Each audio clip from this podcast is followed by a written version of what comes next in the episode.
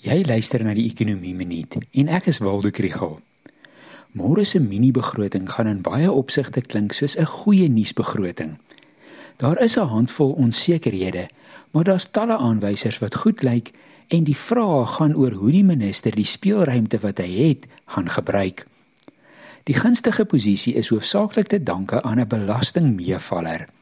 Volgens PwC se berekeninge is 8,4% meer persoonlike inkomstebelasting ingevorder as waarvoor begroot is. Die invordering van maatskappybelasting is sover 14,7% meer as waarvoor begroot is. Altesaam lyk dit of die meevaller soveel as 110 miljard rand kan wees.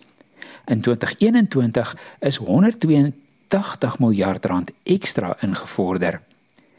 Dit het natuurlik die positiewe gevolg dat die begrotingstekort kleiner gaan wees as die teiken van 6% van BBP en selfs so laag kan wees as 4,5 of 4,8%.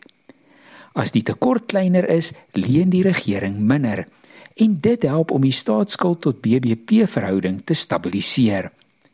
Ramings plaas die syfer rondom 70% van BBP. Die hoë inflasiekoers help ook dat die waarde van die nominale BBP groter is as wat begroot is en dit help om baie van die verhoudings beter te laat lyk. Daar is heelwat onsekerhede oor hoe 2023 en die jare daarna gaan lyk. Die belastingmeevallers gaan nie so groot bly nie. En as die ekonomie nie groei nie, is dit nie slim om groot nuwe verpligtinge aan te gaan nie. Een vraagstuk is die loonverhogings in die openbare sektor en staatsdiensamptenare dreig nou met 'n staking volgende maandag. Ramings wys dat elke persentasiepunt verhoging van die salarisaanbod die staat ongeveer 6,5 miljard rand kos. Die ander is rondom die 350 rand COVID toelaag en of dit permanent ingestel geword van volgende jaar. Dit sal ongeveer 48 miljard rand per jaar kos. Dan is daar al die ander vrae oor reddingsboeie aan openbare ondernemings en dit gaan interessant wees om te hoor of die minister nog tough love toepas.